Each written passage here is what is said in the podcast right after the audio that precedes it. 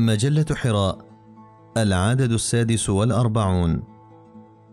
مكتبات جمعت تراث الأمة بقلم الميلود كعواس.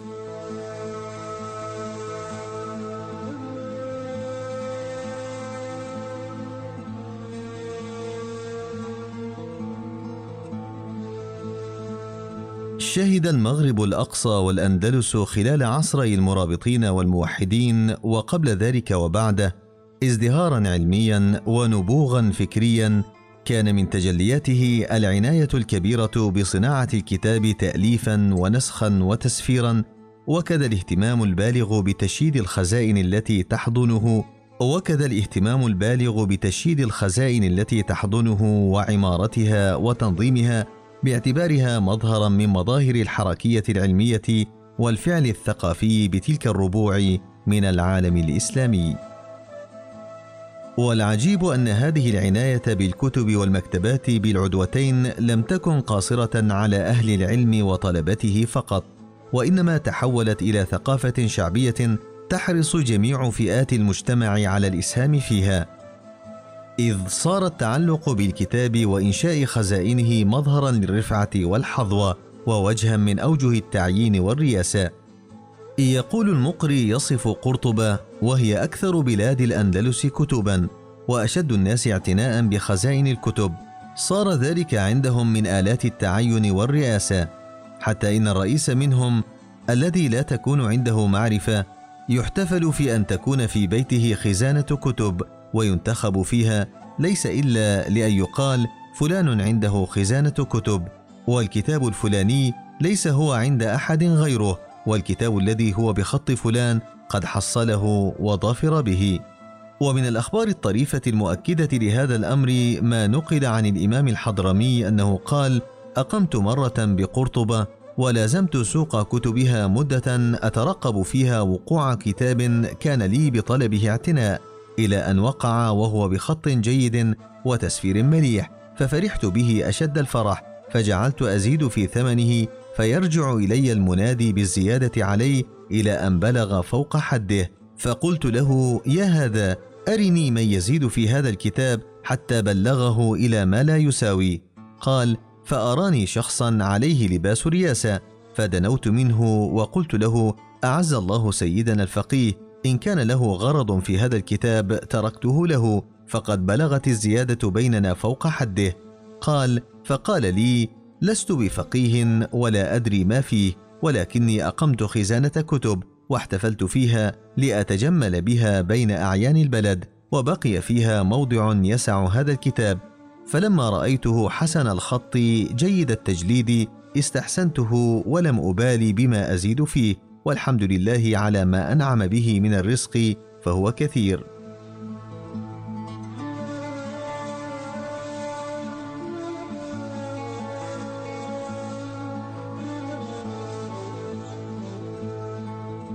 لقد نتج عن هذا الوله بالكتاب والشغف بامتلاكه بروز عدد من الخزائن العامرة والمكتبات الحافلة التي استجمعت في رحمها مئات الآلاف من الكتب والمخطوطات في مختلف فروع العلم والتخصصات المعرفية.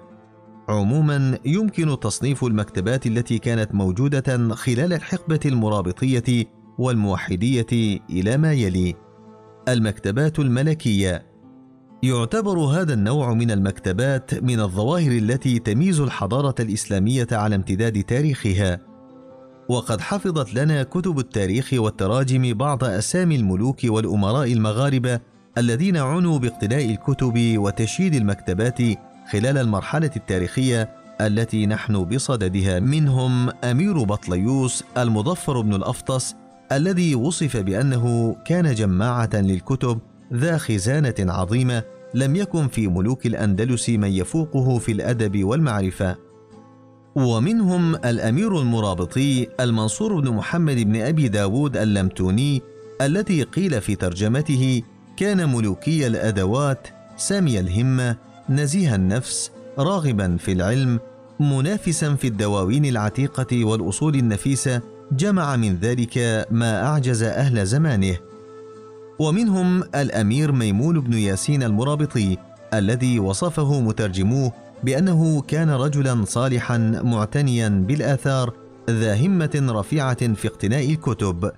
ومن ذلك أنه اشترى حين حجه نسخة من صحيح مسلم مشرقية الخط في تسعة وعشرين جزءا وكان لا يبالي بما ينفق في ذلك. فقد أثر عنه أنه اشترى أيضا أصل أبي ذر الهروي من صحيح البخاري بمال جسيم.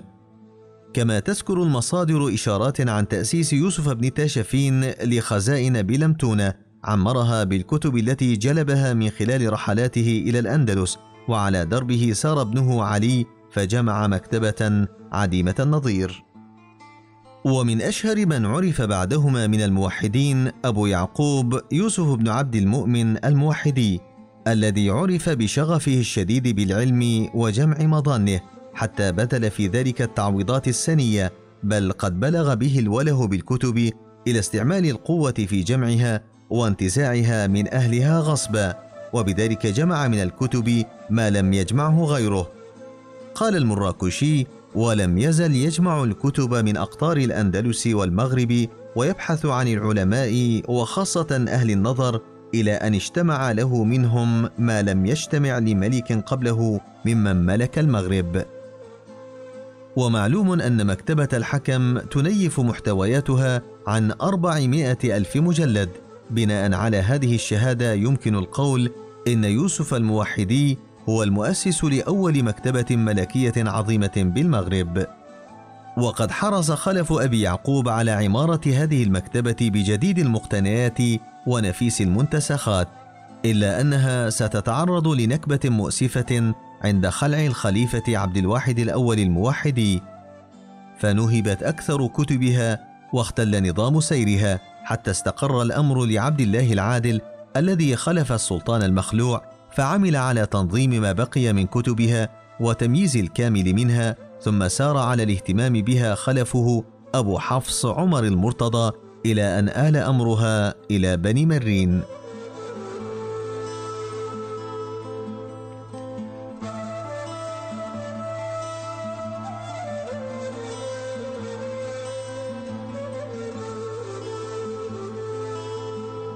مكتبات المساجد والجوامع.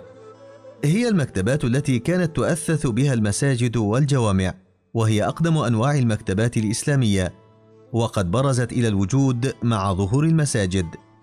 ففي نظري إنه لا يتصور خلو المساجد الصغيرة من المشرق أو المغرب على الأقل من بعض الكتب التي تصلح أن تكون نواة مكتبة كالمصاحف وبعض كتب التفسير والحديث وغيرها بل هل مساجد الجامعة كجامع قرطبة وطليطلة والمرية وإشبيلية والقرويين والكتيبة وغيرها وإن كانت المصادر التاريخية لا تسعفنا في تأكيد هذا المعطى إلا في القرن الثامن الهجري وما بعده.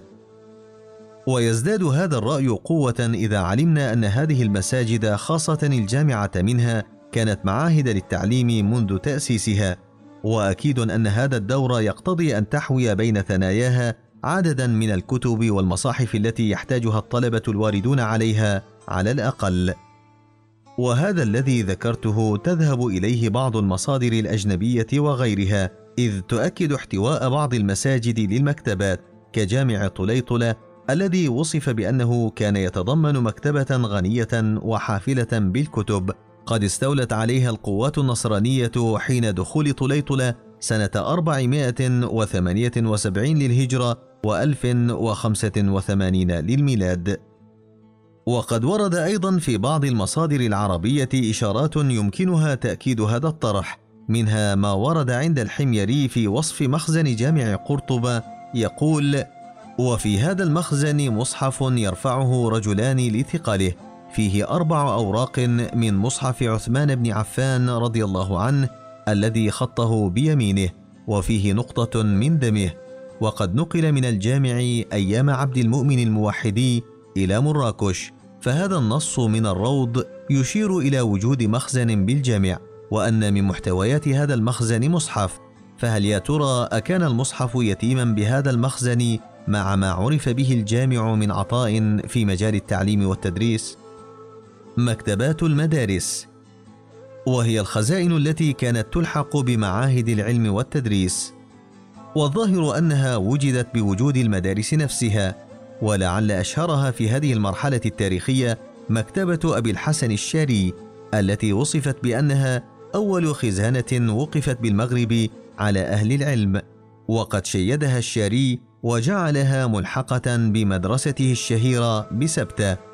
إلا أن الفقيه محمد المنوني رحمه الله علق على هذه الإشارة التاريخية فقال نستبعد أن يتأخر تأسيس المكاتب العامة بالمغرب إلى العهد الأخير من الدولة الموحدية من غير أن يكون على الأقل في أولها ومن غير أن يكون لعبد المؤمن وأبنائه أثر في هذا الميدان لما علم من اهتمامهم بهذا الشأن واشتهر من ابتنائهم بيت الطلبه وتأسيس الكثير من المدارس بالمغرب وغير المغرب وكل هذه المؤسسات لا تستغني عن الكتب والمكتبات تكون بجانبها مباحة للعموم.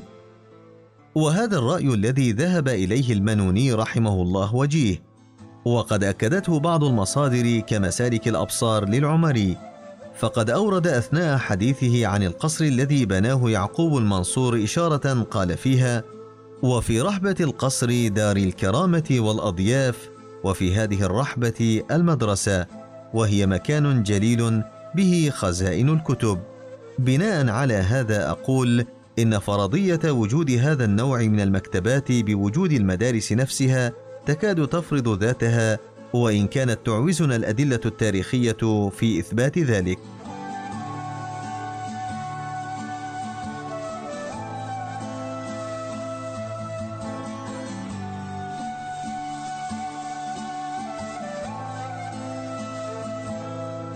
المكتبات الخاصة. هي الخزائن التي أسسها الأفراد من المجتمع لأنفسهم إما بقصد الاستفادة منها علميا أو بقصد التباهي والزينه وقد كان الاهتمام بالمكتبات الشخصية خلال الحقبة المرابطية والموحدية امرا ملحوظا في سائر مدن العدوتين. وقد حفظت لنا كتب التراجم أسامي بعضها منها مكتبة محمد بن يحيى الغافقي القرطبي المعروف بابن الموصل وكان هذا الرجل يؤثر جمع الكتب على كل لذة وقد اجتمع عنده منها ما لم يجتمع مثله لأحد بعد الحكم المستنصر. وقد بيعت هذه الكتب في تركته وأغلي فيها حتى تقدمت الورقة في بعضها بربع مثقال. ومنها مكتبة عمر بن عبيد الله بن يوسف بن حامد الذهلي فقد جاء في ترجمته وكان معتنيا بنقل الحديث وروايته وسماعه من الشيوخ في وقته جامعا للكتب مكثرا في الرواية. وعن أبي مروان الطبني قال أخبرني أبو حفص أي عمر بن عبيد الله قال شددت في داري بالربض الغربي ثمانية أحمال من كتب لإخراجها إلى مكان غيره ولم يتم لي العزم حتى انتهبها البربر. ومنها مكتبة علي بن أبي بكر بن عبد الرحمن بن علي بن سمجون.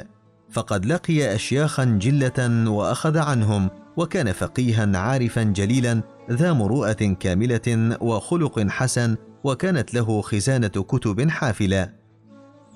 ومنها مكتبة عبد الرحيم بن الملجوم التي كونها من مكتبة والده عيسى الذي كان جماعة للدواوين العتيقة والدفاتر النفيسة. ومن مكتبة أستاذه أبي عبد الله محمد بن أحمد الخزرجي ومما أضاف لهذه وتلك حيث صارت مكتبة حافلة بالنفائس والذخائر. ومنها مكتبة قرابته عبد الرحمن بن يوسف بن الملجوم التي جمع لها من الكتب ما لم يجمعه أحد من أهل بالمغرب، وخزانة كتبه كانت مشهورة في المغرب. وقد ذكر غير واحد من المؤرخين أنه بيعت أوراق كتبه التي هي غير مجلدة بل متفرقة بستة آلاف دينار. ومنها مكتبة ابن أبي الصقر بمراكش وهو الحافظ المكثر أبو العباس أحمد بن عبد الرحمن الأنصاري نزيل مراكش. كان كلفا بالعلم حريصا عليه كتب من دواوين العلم ودفاتره ما لا يحصى كثرة وكان يقتني من الكتب جملة وافرة سوى ما ينسخ بخطه الرائق فاجتمع له بذلك مكتبة طافحة بالذخائر والنفائس نكب فيها مرات بضروب من الجوائح كالغرق والنهب. فهذه بعض من أنواع المكتبات التي برزت بالمغرب الأقصى والأندلس خلال عصري المرابطين والموحدين مع جملة من نماذجها قصدت بها التمثيل لا الحصر ذلك أن تتبع أخبار المكتبات أمر يطول ولعل هذه أمثلة دالة على القصد ويكفي من القلادة ما أحاط بالعنق.